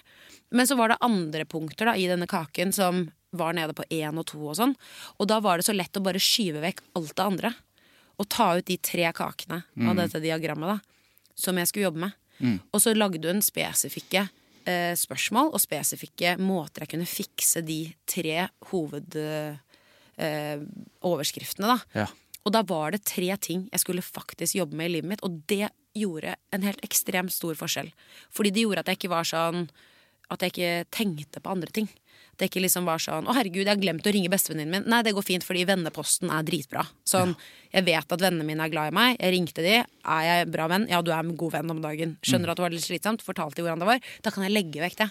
Ja. Sånn at ikke jeg føler at jeg skuffer vennene mine, eller ikke er sosial, eller liksom alt det. Det var ikke en del av the equation. Ja, det hørtes eh, skikkelig lurt ut. Og ryddig, liksom. Det var Ja. en ryddig måte å gjøre det på. det gjorde at jeg i hvert fall klarte å, å, øh, å, å stå opp om morgenen og føle, at ikke føle at alt var så tungt. At jeg ikke hadde så mye på skuldrene mine. At jeg kunne sette opp en kalender to uker frem i tid hvor jeg var sånn Dette skal jeg gjøre. Ja. Og det gjorde at jeg klarte å gå en tur hver dag, ish. og liksom spise sunnere. At jeg liksom hadde en plan som var overkommelig, istedenfor at du føler at du står under et fossefall av vonde tanker og følelser. ja. Shit. Lurt. Og det var en coach, og ikke en en psykolog. For det er liksom, en psykolog føler jeg har gått mer i dybden på følelser og stille meg spørsmål til, til svaret allerede har. Det er bare en annen måte. Ja, psykologi er jo mer eh, Det er jo ikke så ofte så konkret, kanskje. Og det trenger, noen ganger trenger man jo det, men noen ganger trenger man jo Det hørtes ut som du eh, trengte noe. Her eh, kan jeg fikse. Ja. Kan jeg fikse det? Og det var jo fordi at jeg egentlig innerst inne hadde svaret Ja, på hva jeg skulle gjøre. Eh, men det å komme dit, og det bare det at det, det var så Det var en veldig lang prosess for Mm. meg, da. Uh, og som man sikkert forstår når man hører på det, er jo typ samlivsbrudd og uh, indre tanker og alt sånt der. Mm. Og jeg visste jo på en måte hva jeg skulle, men jeg bare ville ikke innse det. Fordi at det valget var så vondt, da. Det er jo helt absurd noen ganger, for at, som du sa, mm, ofte så vet man jo svaret, eller man vet hva man skal gjøre, men så trenger man jo Det er så eh, rart at noen ganger trenger man at noen sier det. Og noen profesjonelle sier det. Vennene dine kan godt si det, men noen ganger trenger du noen proffe som skal si det. Ja. Ja, nei, vennene mine kan si alt de vil, og jeg gjør det helt motsatte. Ja. Bare Ja, ja. fordi de også er så formet av hele livet vi har legd sammen, på en måte. Ja. Ehm, og så er det noe ved å få de spørsmålene som gjør at man innser det selv, eller får den indre styrken da, til Mm. å faktisk gjøre noe med det. Fordi ah, det å velge vekk livet man står i, da, ja. det er jo um, Ja, det er det viktigste du har, da. Det er fundamentet i, Mm. i livet ditt, hjemmet ditt, de du er med, personen du lever med. Mm. Og det, det å velge det vekk, da. Å vite at du også sårer noen på veien, det, det, det knakk meg helt. ja, det skjønner jeg. Og det var det jeg trengte styrke til. da Å vite liksom hvordan jeg kunne komme ut av det på best mulig måte. Fordi det er jo nesten et umulig valg, ikke sant? I Ja. hvert fall når man står i det. Og så ser man tilbake på det og er sånn shit, jeg skulle gjort det, jeg skulle gjort det, jeg skulle gjort det. Men det er så lett å si. Ja, det er kjempelett å si. Og så er det ikke liksom så lett. At ting som er sånn i ettertid, er så lett. Og jeg skulle ønske at man kunne At når man sto i det, at det var så lett. Fordi etter, jeg kan føle meg dum eh, etter at jeg kommet ut av noe vondt. Det var sånn, ja, men jeg kunne jo bare gjort det. Eh, men så kan man jo ikke det, for at det, hodet er jo på et helt annet sted. Mm. Men hvordan har du det nå.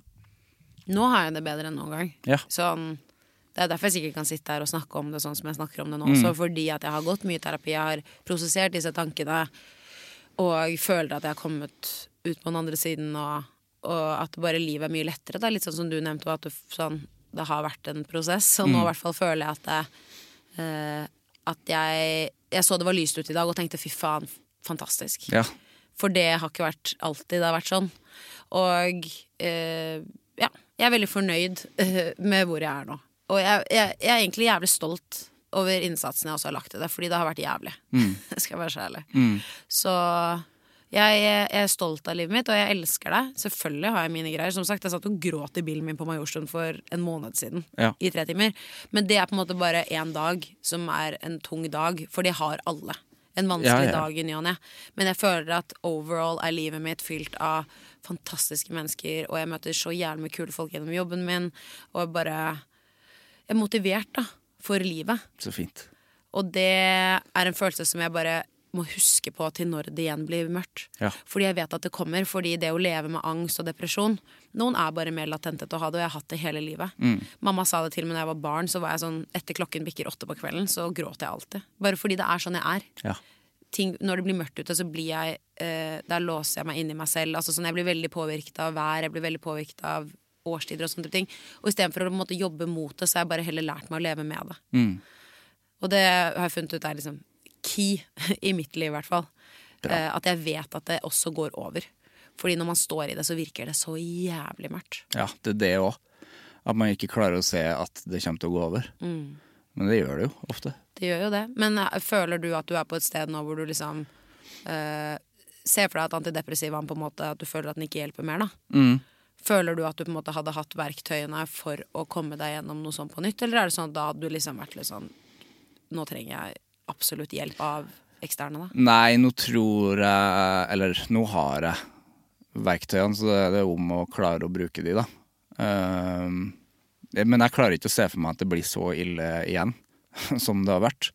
Eh, Og det er jo bra. Det er bra, ja. Mm. Eh, så jeg tror eh, Nei, jeg er positiv. Jeg tror jo det òg handler om å være liksom faktisk klare å være litt positiv. Jeg er ikke en positiv type. Har aldri vært.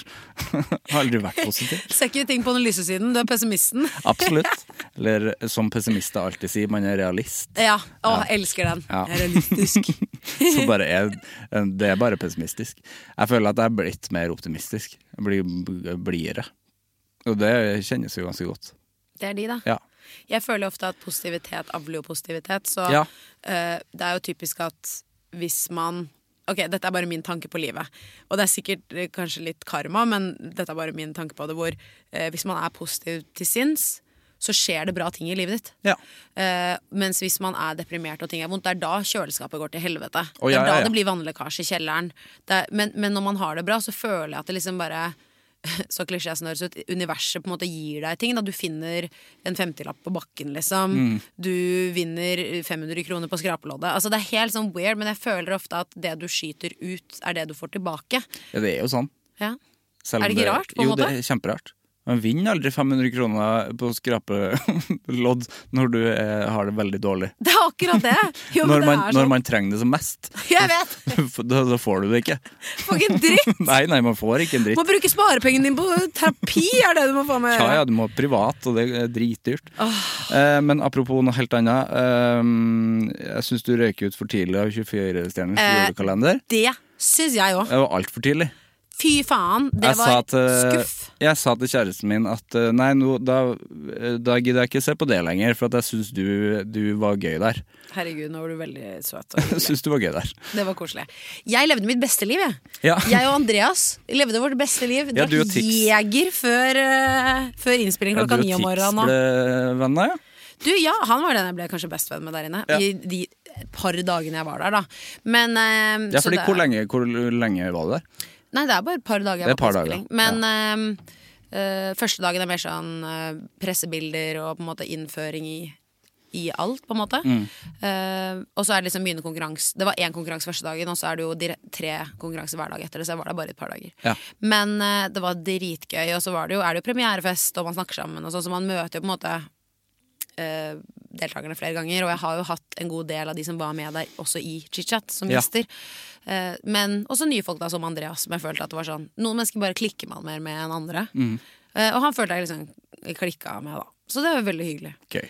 Men uh, vi får se i 2024. Jeg er veldig gira på å gjøre mer reality, for jeg syns det er dritgøy. Så vi Ja. får se hvor det bærer. Jøss. Gleder meg Ja. til å følge med.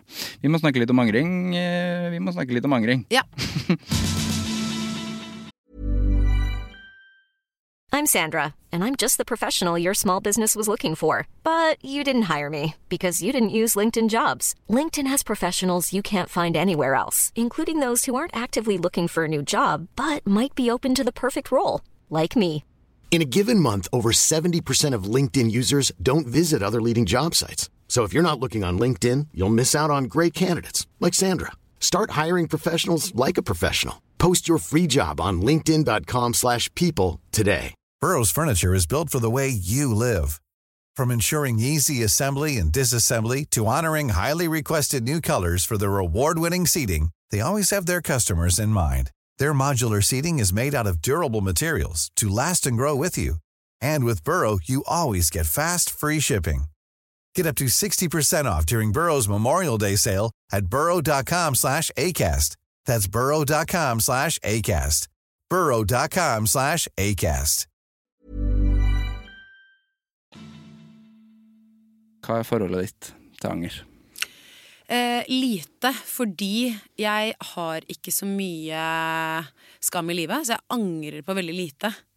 Og så føler jeg på en måte at eh, det er nok sikkert mye jeg burde angret på. Men så blir jeg sånn, det er jo det som har lagd den jeg er i dag. Og eh, jeg har hørt hele livet mitt at spontaniteten min er min største negative side, da. Det var veldig dårlig norsk, men du skjønner hva jeg mener. Eh, og det er jo ting som veldig mange har kommet med og sagt sånn Angrer du ikke på det? Fordi du gjorde jo det og det. Jeg giftet meg veldig ung. Jeg skilte meg veldig ung. Jeg har tatovert hele kroppen min. Altså Det er veldig mange ting som folk er sånn Angrer du ikke på det? Så blir jeg sånn Nei. Det gjør jeg faktisk ikke. Og øh, jeg har flere folk som angrer for meg. Så jeg føler de kan sitte og angre for meg. Angrer på dine vegne? Absolutt. Så trenger ikke jeg å tenke på det. Nei. Så, men det er nok eh, Ja, men det jeg får mest spørsmål i hele livet mitt, er jo angrer du på tatoveringene dine. Ja, ja. Jeg kjenner meg igjen. Jesus Christ. Kan folk slutte? Som er det Liksom. kjedeligste. Og sånne folk som sier sånn Ja, du vet at du skal ha det når du blir gammel og sånn? ja, det håper jeg Ja. at jeg skal. Jesus. Men jeg føler eh, litt sånn Du også har jo litt, da. Som Ja. jeg ser i hvert fall på hender også. Ja. Så jeg vil jo tro at du har resten sikkert også. Ja. Eh, og der føler jeg sånn Jeg føler du kommer mer unna det enn meg fordi at jeg er blond jente fra Oslo vest. Det er jo dessverre Det er jo dessverre sånn Mm. for folk. Så der føler jeg at liksom eh, stereotypien kommer inn, og Ja. det er litt sånn folk- Langhåra, mannlig trønder kan godt være Skal være tatovert. Med litt langt hår og litt sånn uh... Ja, jeg hadde jo fått Hvis jeg ikke hadde hatt tatoveringa, så hadde folk sagt du må jo ha Du må ha tatoveringa, du. Det, Ja, ikke Ja, sant? mm. Men den ser jeg litt. Ja. Men, eh, så det er vel det folk liksom kanskje har vært litt sånn Angrer du ikke på det? Mm. Uh, Hva svarer du da? Jeg syns jo det er så dumt spørsmål når folk spør om det. ja, nei, jeg er jo bare dritfrekk, jeg, da. Ja. Jeg er bare frekk tilbake. Så Mm. blir jeg sånn Angrer Nei, nei, jeg kan ikke nesten Jeg blir sånn Sier du sånn Angrer du på trynet angrer du på nose-jobben du aldri fikk, liksom?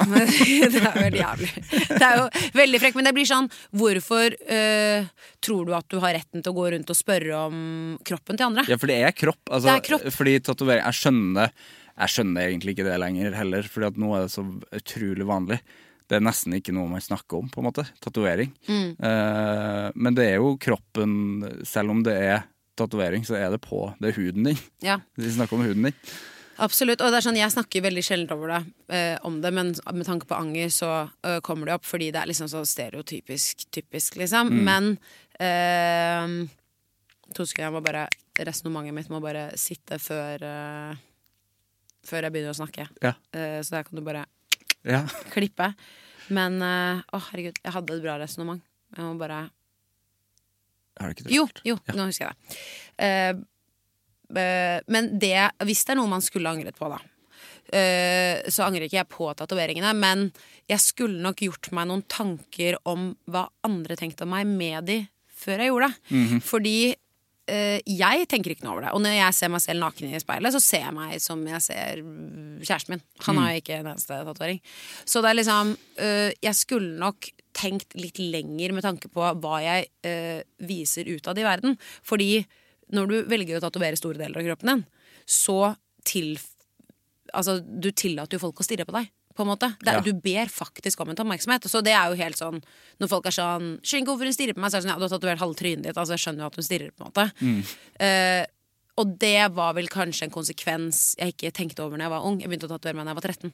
Så det er, liksom, 13? ja, Det er tidlig. Det er tidlig. Og det, hvor Eller da begynte jeg å drikke alkohol, det er også tidlig. Ja, ikke sant. Ja. Jeg også. Så det er jo, var ikke greit, det. Anfaller ikke det i det hele tatt. Men uh... Starta å drikke hjemmebrent. Ikke gjør det. hjemmebrent før øl. det er jævlig. Det, du stjal den. Den, eh, den fikk jeg vel. Fikk. Av Av en luguber kompis av en kompis. Åh. Ja. Det er, trønd det er av trønderlig. Altså, det er så stereoty er bare stereotypisk trønder. Mm. Men uh, anger sånn uh, ellers i livet, det er lite av det. Ja. Uh, og det er også fordi jeg tror Og nå merker jeg at jeg får, finner meg selv sånn, litt sånn spiritual uh, greie. Men jeg blir sånn jeg, Noen ganger så ser jeg på livet litt som bare sånn Det er bare en tullespill.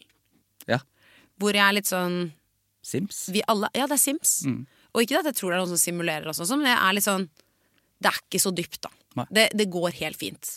Eh, sier man noe som ploppa ut, eh, så er ikke jeg den personen som går hjem og tenker i tre timer sånn Herregud, jeg burde ikke sagt det, jeg burde ikke sagt det. Nei. For jeg tenker sånn Ja, det har personen glemt, for jeg am not that important. Nei. Sånn tenker jeg. Det høres veldig digg ut og lurt, og noe flere sikkert bør tenke. Ja, er er, du sånn som overtenker litt der, eller? Absolutt. Jeg tror det er derfor jeg har den podkasten jeg har. Det blir jo ikke noe bedre. Jo, det blir kanskje litt bedre. Det blir litt bedre når man blir eldre, føler jeg. Men eh, kan bruke lang tid på å tenke at det burde jeg jo ikke sagt. Det var dumt å si. Som Mm. er bare helt Egentlig veldig egoistisk tanke. For det er sånn der, eh, som du sa, da. Det, de, den personen tenker garantert ikke på det. Men jeg tenker på det. Og nå får jeg ikke sove. Nå ligger jeg her og Ja. Nå ligger jeg her. Nei, jeg skulle ikke spurt om den lilla genseren. Ja. Oi, oi, oi, den var jo litt spesiell og Ja, altså prøver, freidig. prøver å se på litt padel, og så får jeg ikke sove av det. Altså. Fy faen. Men eh, åh, nei, jeg, eh, jeg tenker ikke så mye over det, bare fordi at eh, jeg blir litt sånn Alle er uh, hovedpersonen i sitt eget liv. Mm. Og jeg føler at eh, alle har sine Eller jeg vet alle har sine egne problemer. Alle har sine egne ting og indre demoner og, og lykke og ting som er bra og ting som er negativt. Og jeg blir litt sånn Det skal ganske så mye til. Du skal være ganske jævlig som person for at jeg skal gå hjem og tenke Hva faen var det hun eller han sa i dag, liksom? Ja, da skal du være kjempekjip, da. Da skal du være enten rasistisk Ja. eller eh, ekstremist på en eller annen punkt. Du skal, være, du skal ha noen ytringer som sitter så sterkt. Ja, For da tenker man jo på det. Da tenker jeg, da tenker jeg mer sånn eh, Eller jeg er veldig den personen som tenker sånn Det mennesket trenger jeg ikke å ha noe med å gjøre. Nei, Vi trenger ikke å dra på paredate med, med, med, med, de, med de igjen. Nei, Og så er det litt sånn uh, Jeg har et menneske i livet mitt som uh, jeg ikke liker så godt. Dette er hardt, og dette er sterkt, merker Ja. jeg. Men jeg tenker mer sånn den, Det mennesket får bare gjøre det det mennesket vil. Det har egentlig ikke noe med meg å gjøre. Nei? Så det den personen sa til meg, det, han, altså det at det mennesket er litt frekt eller litt slemt, og det er det mennesket mot mange, Mm. så tenker jeg sånn det har, det, Din mening om meg har egentlig ikke noe med meg å gjøre. Nei. Det Og har det- bare med det mennesket å gjøre. Ja, og derfor så er jeg sånn Angrer ikke på noe jeg har sagt, angrer egentlig ikke på noe jeg har gjort. Fordi jeg står i det, og Mm. jeg mener det er riktig. Og så er det litt det at ikke alle går overens, og alle er ikke laget for å like alle. Og det er helt greit. Mm. Og derfor så tenker jeg med dette mennesket at da- da bare trenger jeg ikke å omgås det mennesket så mye. Og jeg tror ikke det mennesket har noe lyst til å omgås meg heller. Nei. Og det er helt greit. Ja. Så jeg er ikke sånn, jeg går ikke og tenker på ting, jeg går ikke og angrer på det. Jeg er mer sånn Er det ikke en match, så bare ikke sett meg, bare ikke å sette seg i den situasjonen i fremtiden. Mm. Og det er lettere sagt enn gjort, men jeg er veldig hard akkurat der. da sånn, jeg Men det. Eh, men det gjør at jeg har de beste menneskene i livet mitt. Mm. Uh, og jeg elsker de jeg har rundt meg nå. Ja, for det er jo også godt gjort, eh, fordi det, alle har vel sikkert ett menneske i livet sitt som man ikke som man egentlig ikke liker så godt. Ja. Og så er det typisk at det er mange eh, Har kanskje noen i livet sitt som eh, er familie, som du ikke kan bli kvitt heller. Ja, ikke sant? Så eh, det også er jo en vanskelig situasjon å være sånn ok, jeg må se deg hver jævla søndag, liksom, på en måte. Men øh, når det er situasjonen, så skjønner jeg jo at det kan være kjedelig. Ja. Men da er det bare ikke omgås, på en måte. Ja, det er for det er bra hvis, du, hvis det er bare det ene mennesket som er kjipt Ja. i livet ditt. Eller hvis man har en venninne i vennegjengen, da. Ja. eh, som du også på en måte er, Vi er en gjeng. Det er også helt greit at du ikke går 100 overens med alle. Mm. Uh, og jeg mener at det, det å bare trekke seg litt tilbake og holde avstand fra det mennesket, det er helt greit. Ja. Det går helt fint. Og folk vokser fra hverandre. Det er også helt greit. ja, det gjør man faktisk. Ja. Folk- Og det er liksom istedenfor å sørge over et vennskap eller angre på at man ikke har det vennskapet mer eller den relasjonen mer, så ser jeg heller på det som et kapittel i livet som er lukket. Ja. Som at det var helt fantastisk, de turene vi har hatt, det vi har gjort, det var dritgøy. Og nå er det kapittelet lukket, fordi det, når én dør lukkes, så åpnes en annen. Da. Det er helt sant. Så da gir det jo tid til nye vennskap, nye relasjoner, nye interesser, nye jobber. Og det er liksom Det er noe fint i det, da. Eh, og så er jeg litt den personen som kan romantisere ting. Som er litt sånn, Selvfølgelig kan jeg bli lei meg sånn ok, det er ikke mer. Men da må jeg bare lære meg at det er jo noe fint i det òg. Ja. Jeg syns det høres fint ut, jeg. Bedre å gi seg på topp enn å dra det ut, og så blir det et helvete. Det er riktig. Det er mange band som gir seg på topp, og så kommer de tilbake noen år etterpå. Dumt, det også. Ja, Man trenger ikke det heller. Man trenger faktisk ikke det. Jeg elsker også når folk har sånn last concert Ja. i 17 år. Å ja, ja. A-ha. Ja, ja. Aha. Elton John. Elton, ja. Elton, nå har han gitt seg. Men nå har han gitt seg. Han gitt Men han, han, han ga seg i 14 år. Ja, absolutt. Ja. Det er mye penger i det, vet du.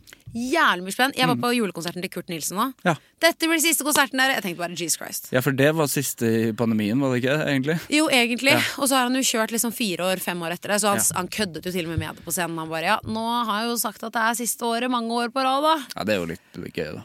Det er jo litt gøy, i hvert fall når man har selvironi på Ja, det. så Men, fikk han jo eh, inn masse millioner i pandemien, så da var det jo bare å kjøre på. men jeg skjønner ikke hvorfor skal han gi seg. Det er fire dager i juletiden. Han fyller Spektrum totalt fullt. Han, han trenger jo gjort- ikke jobbe mer Han trenger, kan jo bare jobbe i jula. Ja, og så blir jeg sånn Hvorfor skal du gi deg? Ja. Du tjener masse spenn. Sånn musikalsk så skjønner jeg det. For det må man jo bli lei av, å synge eh, de sangene. Jo, men det er fire Ja, dager det er i året. Jeg hadde kanskje klart det òg. Jeg hadde klart det òg hvis det var så mye penger. Men altså, ok, du må jo øve og sånn, men du har jo gjort det samme greiene i mange år, da. Jeg må Så, ikke øve. nei, altså, Jeg tror ikke han øver. nei, men Han jeg trenger blir... ikke det. Han er så flink, da. Ja, jeg trenger ikke øve. Så jeg føler også litt sånn Vi får se, da. Vi får se. Om den pengepungen eh, er keen på å bli fylt opp neste desember. Kanskje vi skal begynne å si at det var siste episode. Bare sånn veldig ofte. For det er sikkert mange Der som hører på det på det. aldri mer chit-chat igjen, dere. Vi ses neste torsdag. Chit-chat med anger. Ja. Ja. Sterkt. Elsker. liveshow. Men har du noe du angrer på i livet? Ja, det, vi kan ikke ta hele den runden heller. Pessimisten. eh, så- Jeg så bare hele kroppen din bare å, Sank. fy faen. Ja, det er mye. Men det er mest småting. Det er heldigvis ikke mye store ting. Hva, ok, Ta én liten ting da som du kan liksom ha irritert over, som du virkelig angret på. liksom det første jeg tenkte på, det var at eh, på ungdomsskolen så var det ei som skjela veldig med øynene sine. Eh, det ble kommentert mye eh, av andre folk. Jeg sa ikke ifra om at det var dumt. Okay, ja. Eh, Det angrer jeg på. Og så eh, en, Det skjønner jeg. Ja, en oppfølging på det. Jeg sendte en melding til hun eh, vedkommende noen år etterpå og sa unnskyld eh, for at jeg ikke gjorde noe med det. Hun hadde glemt det. hun tenkte ikke på det. Det orker jeg ikke. Så ikke si Så mitt tips der ikke prøv å liksom ordne opp i ting. Fordi det, Det er veldig gøy! Sorry gjorde, at jeg ler! gjorde, gjorde bare verre. Hun bare hva faen? Ble jeg mobba? Jeg Og du du. bare Sorry. Unnskyld for at jeg tenkte at du var et mobbeoffer! Det er helt jævlig. Fordi, ja, da, det er helt jævlig. Ja, så det, det er faktisk mitt tips. Ikke prøv å ordne opp i sånne ting. Vet du hva? Men det står jeg litt ved. Jeg hørte faktisk et intervju med han Johans Johan King Bergland. Ja. Eh, komiker og lege. Legen. Eh, og han sa også det, for han har blitt mye mobbet. Det har jeg. Eh, og han sa jo også det, fordi det, jeg husker ikke hvilken kontekst det var, hvilken podcast, men da var det jo en um, Den som intervjuet han sa hadde du syntes det var hyggelig hvis de som mobbet deg, hadde sendt deg en melding og sagt du, sorry, jeg, jeg er så lei meg? Mm. Så nei, ikke faen. Fordi det gjør de kun for sin egen samvittighet. Det er det. Det er jeg det.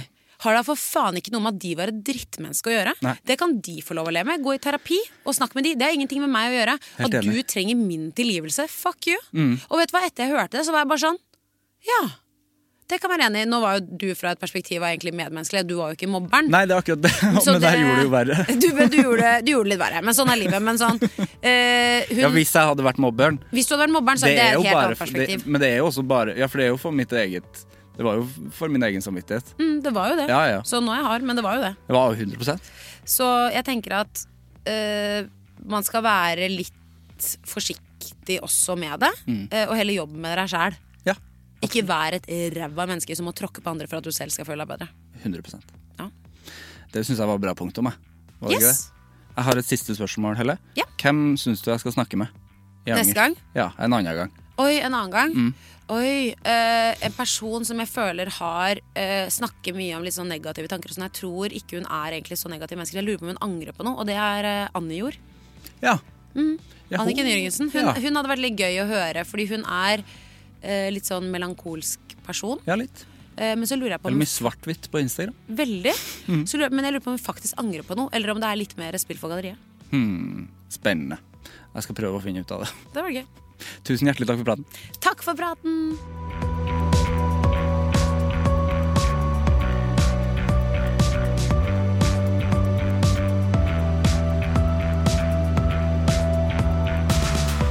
Det var Helle og meg for en fin og skravlete og bare en nydelig prat som inneholdt det jeg setter pris på i en prat.